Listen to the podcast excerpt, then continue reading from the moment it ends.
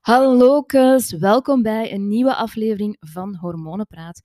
Ik ben Mirabel, HR-expert, energiewerker, um, maar ook heel veel ervaring met stress ondergaan en laten gaan. Uiteraard ben ik ook de host van Hormonenpraat. Vandaag een heel nieuw topic dat ik wil aansnijden. Iets dat op bij mij letterlijk is gekomen uh, tijdens het retreat uh, dat ik had een aantal weken geleden in uh, de coworking space Bora. Um, ik had het genoegen om mij te laten omringen door een aantal heel fijne ondernemers, maar ook co coach Laurence Uvin. Um, aan de aanleiding daarvan hebben we uiteindelijk ook een, WhatsApp-groepje opgericht. En uh, daar krijgen we regelmatig uh, wat motivatie, zowel van de dames zelf als uh, van de coach.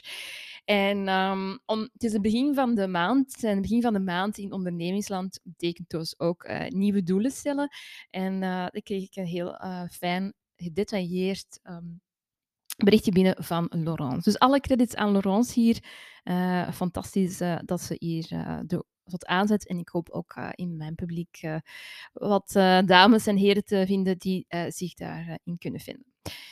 Ze um, had in het bericht over het principe van be-do-have-model.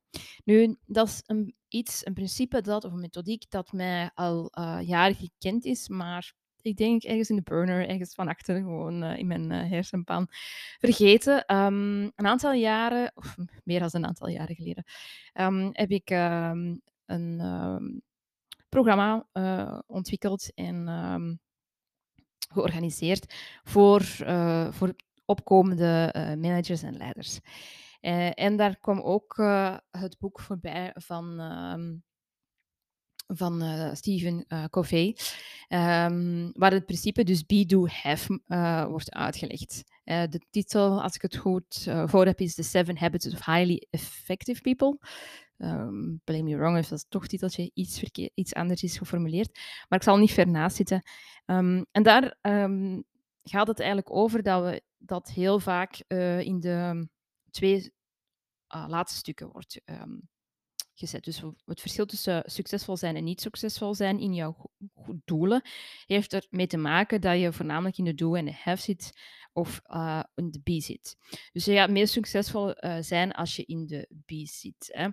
Dus um, dat wilt, daarmee wil je zeggen dat het belangrijk is om te weten wie wil ik zijn om eigenlijk mijn next level me uh, te zijn. Of mijn next level self te zijn.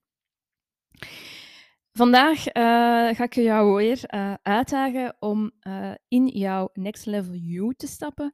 En dat kan je eenvoudig doen door um, straks een blaadje papier en te gaan journalen of te visualiseren als je het meer aantrekkelijker vindt. Um, nog even luisteren naar de podcast, welke vragen dat je jezelf mag stellen. Maar neem zelfs dat moment. Um, het is geen super lange podcast vandaag, omdat ik jou echt in de creatieve modus wil zetten en wil laten nadenken en voelen uh, wie dat je kan zijn um, in jouw uh, volgende chapter in life. En dat kan volgende maand al, hè? want we hebben het over maanddoelen. Dus volgende maand kan je al ook jouw next level zijn. Dat hoeft allemaal niet lange visies te zijn. Dus, oké, ik hoor en voel, het is tijd om over te gaan naar de vragen. Um, dus de vragen die je jezelf kan stellen is één, wie wil je zijn um, en wat um, gaat die persoon doen om dat te bereiken? Dat is de eerste vraag die je kan stellen.